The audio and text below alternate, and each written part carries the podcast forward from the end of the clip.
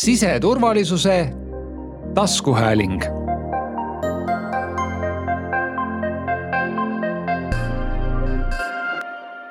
tere, hea kuulaja! sinu kõrvu jõuab järjekorras kolmeteistkümnes saade siseturvalisuse taskuhäälingust.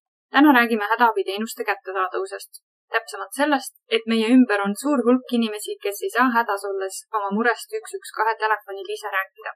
nimetatud sihtrühm ei ole ainult sündinud kurdid. ei, ka sinu vaegkuulajast vanavanem võib vajada ühel hetkel abi, mida ta ise küsida ei suuda. seetõttu pühendame tänase saate hädaabiteenuste ligipääsetavusele. toome välja selle kitsaskohad ja räägime käimasolevatest arendustest. järgneva pooltunni jooksul saad kindlasti targemaks ja aitad meil sellega muuta Eestit turvalisemaks.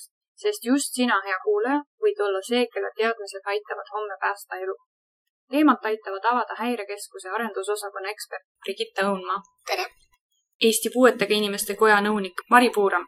tere! ning Siseministeeriumi pääste- ja ohutuspoliitika osakonna nõunik Kadi Luht-Kallas. tere! Saadet juhib Teela Seire. räägime esmalt lahti, mida tähendab hädaabiühenduste ligipääsetavus. on see Eesti jaoks midagi uut või on sellega ka varem tegeletud?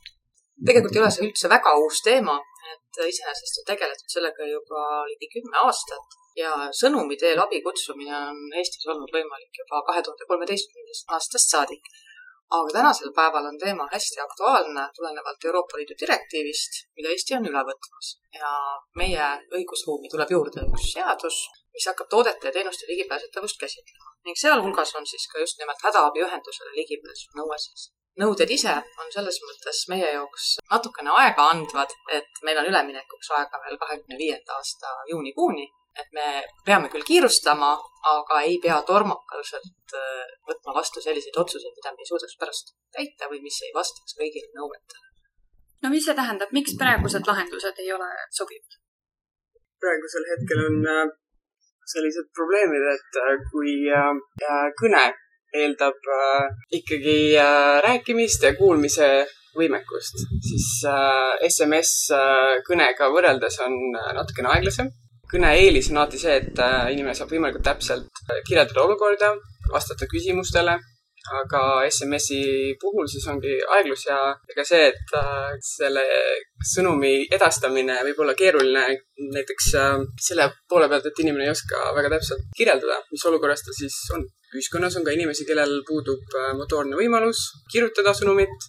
ja sõnumi kirjutamine tegelikult nõuab ka kirjakeele oskust. viipekeelsed inimesed kasutavad viipekeelt enda emakeelena, aga nad ei pruugi kasutada eesti kirjakeelt igapäevaselt. ehk siis äh, mõne keerukama olukorra kirjeldamisel võib neil äh, kirjakeele oskusest puudu jääda no millistes olukordades võiks alternatiivseid kanaleid kasutada? ma saan aru, et Häirekeskus on teinud esmase sellise uuringu või, või kaardistuse. mis te sellest äh, teada saite?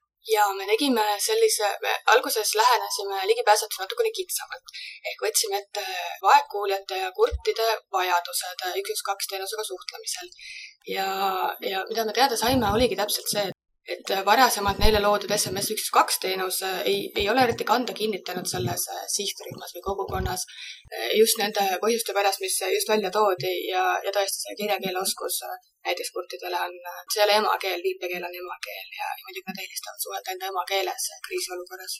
Mis see tähendab, et kui meie mõtleme, et ma saadan SMS-i, kirjutan, et mul on vaja päästeabi, mul köök läks põlema, et siis kurt inimene ei, ei mõista seda sõnumit, tema jaoks on see kuidagi võõras. ei saa kindlasti üldistada, väga paljud neist mõistavad kirjakeelt, loevad, õpivad ülikoolides, teevad tähtsaid olulisi töid, aga lihtsalt äh, jah, kuna see on, eesti keel on neile võõrkeel, et ta ei pruugi selles ärevas olukorras osata kirjutada enda abivajadust. et ta ise ju peab selle sõnumi saatma, üks, üks, kahte selles kriitilises olukorras tõesti kodu põleb ja jah, ja see eneseväljendus kirjakeeles ei, ei pruugi alati hästi välja tulla niimoodi, et häirekeskus sellest aru saab. Äh, kurtide jaoks ei ole eesti kirjakeel emakeel, aga olukordi on erinevaid, ehk siis äh, mõnes olukorras võib jääda sellisest täpsest ja selgest sõnastamisest äh, puudu. Ja see abi selle võrra siis ka hilineb. antud juhul olekski siis lahendustena muud variandid. Ehk siis viipekeele abil ehk siis oma emakeeles, täpselt nii, nagu on võimalik, täpselt nii, nagu inimene tahab ennast väljendada, sellesama sõnumi edastamine. et sõnumi teel on, esiteks seda on aeglasem trükkida ja ütleme, see eneseväljenduse oskus on ka inimestel erinev, et kui hakata sellises kriitilises olukorras sõnu valima, siis abi viibib selle võrra just, ja, ja see hädaabiteate menetlemine on niisugune kahepoolne vestlus, et see, kui inimene saadab ühekordse SMS-i, sellest ei pruugi meile piisata, et me, me küsime lisaküsimusi, et millist ressurssi on vaja kohale saata, millist autot on näiteks Päästeametil äh, vaja välja saata ja, ja see vestluse osa just ongi see, mis kipub äh, aega võtma. Just, ja siis äh, kurtide poole pealt jääb kindlasti lahtiseks see, et SMS-il ei tule vastust, et kas see abi tuleb, millal see tuleb, nii ja naa kuidas see süsteem siiani on toiminud, et kas need inimesed on äh, siiani pidanud lootma enda lähedastele inimestele, kes on neil kogu aeg äh, ümberringi olemas või kuidas te üldse teada saite, et selline lünk meie hädaabiteenustes on? eks kui, kui mõelda ligipääsetavuse üks, üks, kaks teenuses, on selge, et see eeldab täna ikkagi kuulmise olemasolu ja kõnelemise olemasolu ja meil on inimesi ühiskonnas, kes seda ei oska või noh, neil pole seda võimekust, vabandust.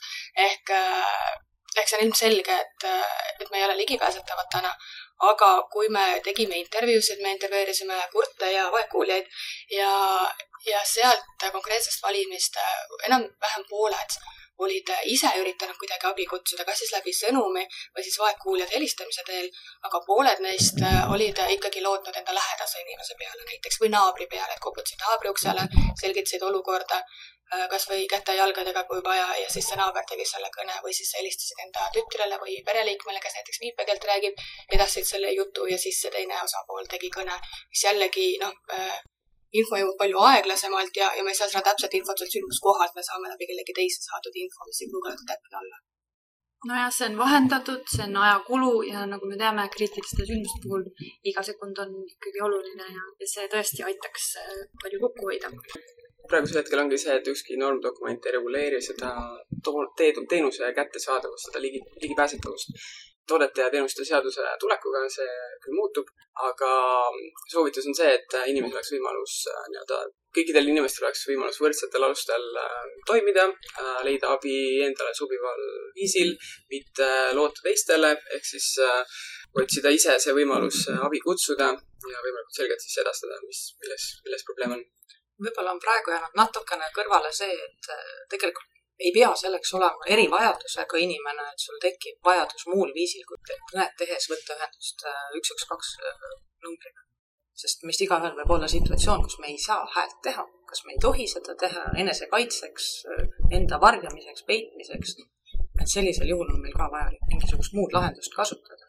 ja samuti selle sõnumi puhul võib olla probleemiks ka see, et kui kiiresti ta meie süsteemidest läbi liigub et kuidas meie operaatorite keskustes sõnum liigub.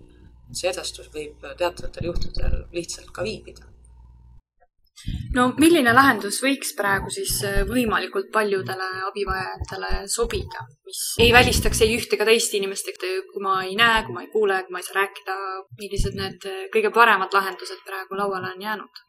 siin on tegelikult väga raske üldistada, et no erivajadusi on palju erinevaid, neid situatsioonist tulenevaid olukordasid on nii palju erinevaid, et äh, kindlasti siin ei saa olla üks lahendus, mis kõigile sobib.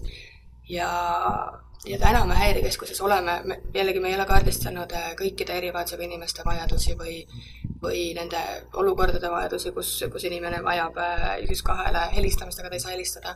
ühesõnaga, meil täna on ainult teadmine, millised on kurtide ja vaegkuuljate vajadused ja selle pinnalt me ei julge üldistada, et see katab ära ka kõikide teiste äh, erivajadusega inimeste vajadused. kindlasti mõned erivajadusega inimesed või mõned sihtrühmad kindlasti kasutaksid ka neid lahendusi, mis meil täna on idee tasandil olemas, aga, aga ei julgeks siin jah üldistada.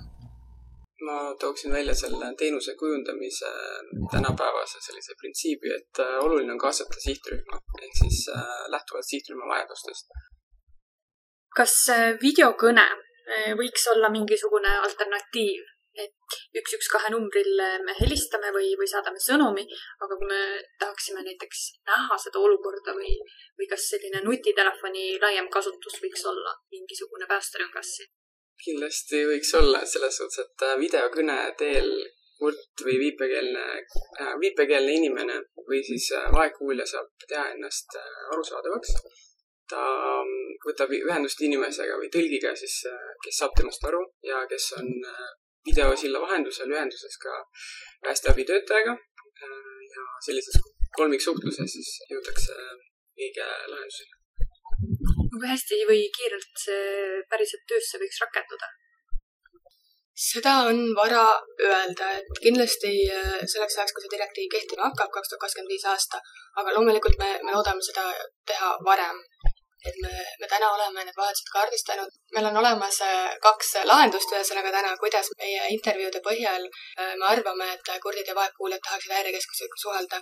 nüüd me peame minema seda veel valideerima selle sihtrühmaga, et kas me ikka saime õigesti aru ja, ja kui me anname neile kasutada seda võimalust, et kas, kas nad tunnevad, et see on päriselt äh, mugav ja see, mis nende vajadusi rahuldab. ja siis me saame hakata vaatama, kuidas me selle hmm, hakkame valmis arendama päriselt, et ei, ei julge ühtegi niisugust ajalist tähtaega välja öelda, aga muidugi nii ruttu, kui me, saame ja jõuame. kas äh, mingisugune selline äh, subtiitrid või, või chati versioonis ühildumine oleks äh, tulevikus ka kõne all? Jaa, esiteks selles ühese videokõne versioonis, mis me mõtlesime, et vaegkuuljatele sobiks, esiteks nad näevad päästekorraldajat, saavad huulet lugeda, mis on neile väga toetav ja kogu see kehakeel, mis annab ju nii palju kommunikatsioonile juurde. aga sinna esialgu me olemegi mõelnud, mida me tahame valideerida, ongi niisugune transkriptsioon, mis, mis jookseb, mida saab siis lugeda, mis toetab ja chati olemasolu, kuhu saab vajadusel kirjutada, näiteks kui on taustalärm või, või mis iganes. ehk niisugune videokõne lisana me täna seda mõelnud oleme.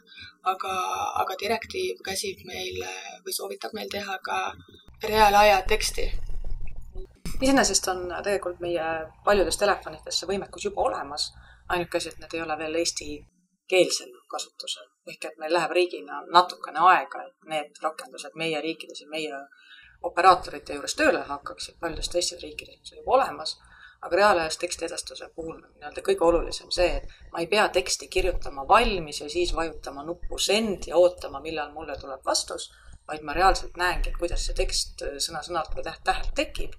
Ja ma olen nii-öelda veendunud, et minuga suheldakse, nii nagu siin enne oli välja toodud, et see on üks probleemkoht, et ma ei tea, kas teine pool mõistab või minust teha. Äh, kindlasti on ka see, et nende lahenduste kasutusele võtmine eeldabki meil tegelikult sellise telekommunikatsioonikeskkonna kaasatulekut. et millised lahendused meie operaatorite poolt saavad võimalikuks ja selles mõttes saame praegu kindlasti hakata nii-öelda prototüüpima, testima, katsetama. võimalik, et võtta kasutusele mingisugune vahepealne versioon seniks, kuni see tehnoloogiline keskkond jõuab meile järele sest äh, kõigi nende lahenduste juures on üks põhikriteerium see, et äh, ma pean saama seda kasutada kogu Euroopas. et see ei saa olla niimoodi, et ma tulen Eestisse ja siis ma võtan selle äpi ja kui ma lähen nüüd Soome, siis mul peab olema teine äpp ja kui ma lähen võib-olla Saksamaale, siis ma ühes osariigis saan ühte lahendust kasutada, siis teises mingisuguses väiksemas üksuses mul on teine, kolmas, neljas, et need peavad olema nii-öelda ühiselt kasutatavad ja ilmselt ka see on üks asi, miks me praegu nagu äpi arendusega nii väga otseselt ei tegele, et seda rakendust on väga paljudes Euroopa Liidu riikides olemas, et Hollandi puhul ka kohe saja üheksas keeles kasutatav. et äh, meil ei ole ilmselt mõtet nagu ise hakata arendama nullist lahendust, et pigem teha seda siis teiste riikidega koos ja võimalik, et siis kaasuda nende tegevustesse, anda võib-olla mõne väikese lisapanuse, mida Brigitta on ka siin oma meeskonnaga päris palju uurinud, et näiteks siis nende piktogrammide kasutamine seal sees, et mis oleks võib-olla lihtsam ka siis sellistele intellektipuudega inimestele. Eesti elanikkond vananeb. ma ei ole kindel, et kõik pensionärid viie aasta pärast eh, rõõmsalt videokõnesid teevad ja, ja chat ivad. on ilmselt oodatav, et ühel hetkel me takerdume nende digipädevuste taha, et vahet ei ole, mis sihtrühmast me siin räägime. kui suureks takistuseks see hetkel teie hinnangul on? Meil oli ka see hirm tegelikult, kui me kurtide ja vaegkuuljatega läksime intervjuusid tegema, et aga mis siis saab, kui nad kasutavad nuputelefoni. et kuidas me siis saame neile tagada selle noh, täna ikkagi nutitelefoni mõeldava rakenduse või kuidas selle ligipääsu tagada. Aga selles sihtrühmas meil õnneks oli väga keeruline leida nuputelefoni kasu-, nuputelefoniga inimesi me vist ühe leidsime, kui ma ei eksi.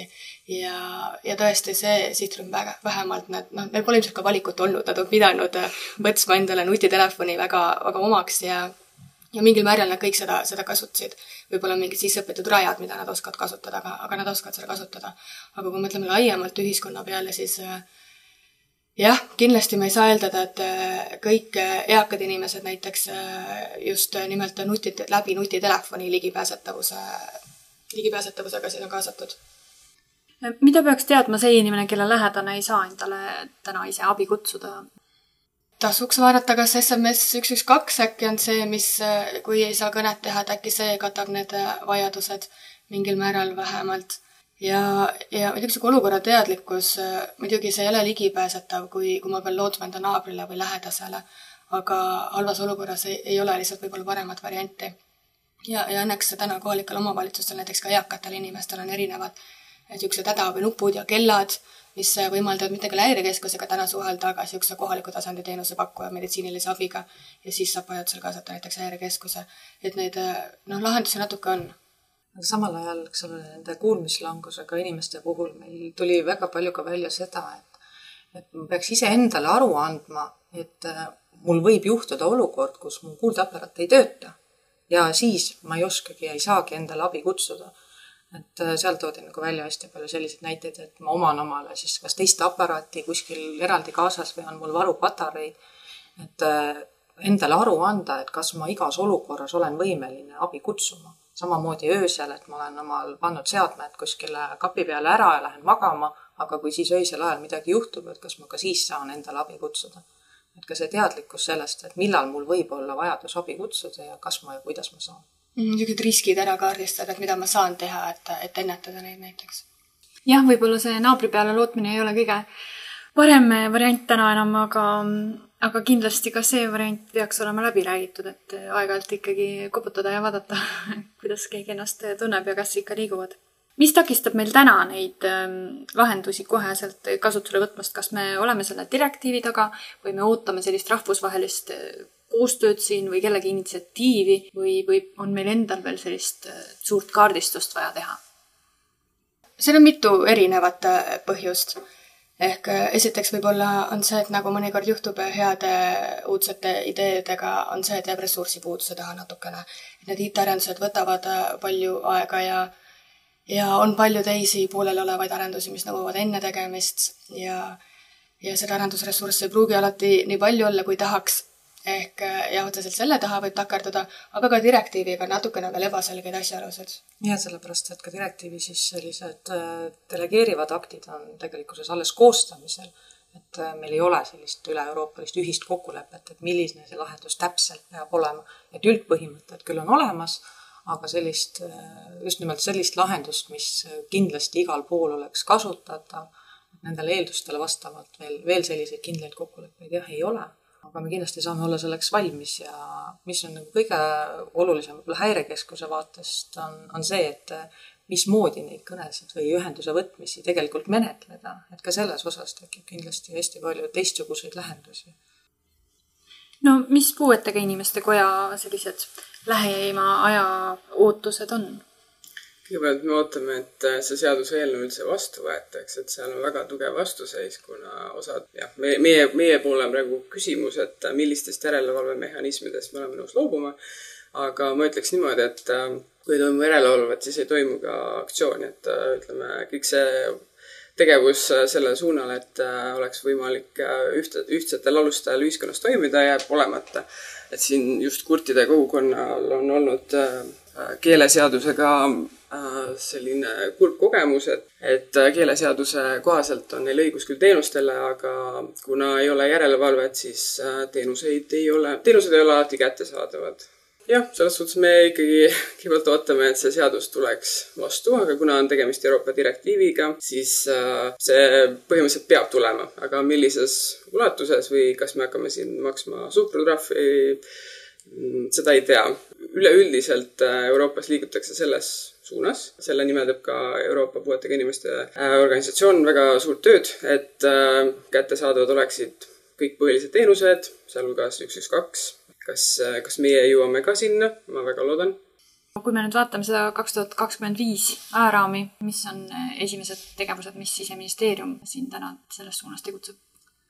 Selles mõttes, et äh, nii palju, kui me juba teame võimalikest lahendustest, oleme me juba oma määrustesse tegelikult äh, sisse viinud.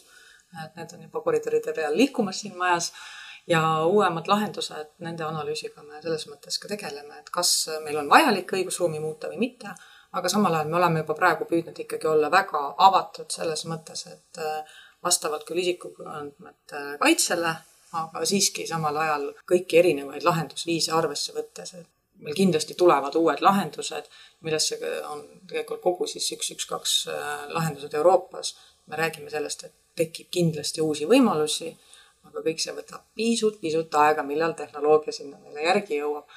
ja mis on ka muidugi Häirekeskuse vaatest äh, murekohaks, on see, et me peame ikkagi ju lahenduse looma sellise, et see ei oleks päriselt üheks aastaks, vaid see oleks püsivam, seega kogu tehnoloogia võtab kindlasti aega valmis saada praegusel hetkel normdokumentides ei, ei sätesta sellele teenusele nõudeid, eks ole, et äh, kui me saame kas siis äh, ütleme selle toodete ja teenuste ligipääsetavuse seaduse kaudu või mõne muu seaduse kaudu äh, sellise asja sinna sisse, et, et seadus ütleks, millal peab sihtrühma kaasama, milliste kriteeriumite järgi, et kas see võiks olla mingil määral siis lahendus aga laias laastus on, on see, et äh, me peame tagama selle, et täpselt samadel alustel toimub äh, selle ühenduse menetlemine, nagu seda on kõne puhul, et seal mingisuguseid erisusi sisse ei tule, lihtsalt see ühenduse võtmise viis on teistsugune, aga kogu kõne töödeldakse ja abi saadetakse täpselt samasugustel ohuhinnangutel ja täpselt samadel alustel, nagu kõigil muudel juhtudel.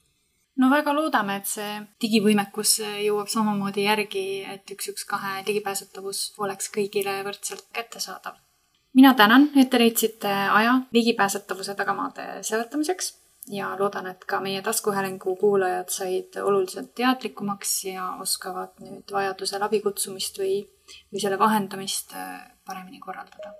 aitäh! siseturvalisuse taskuhääling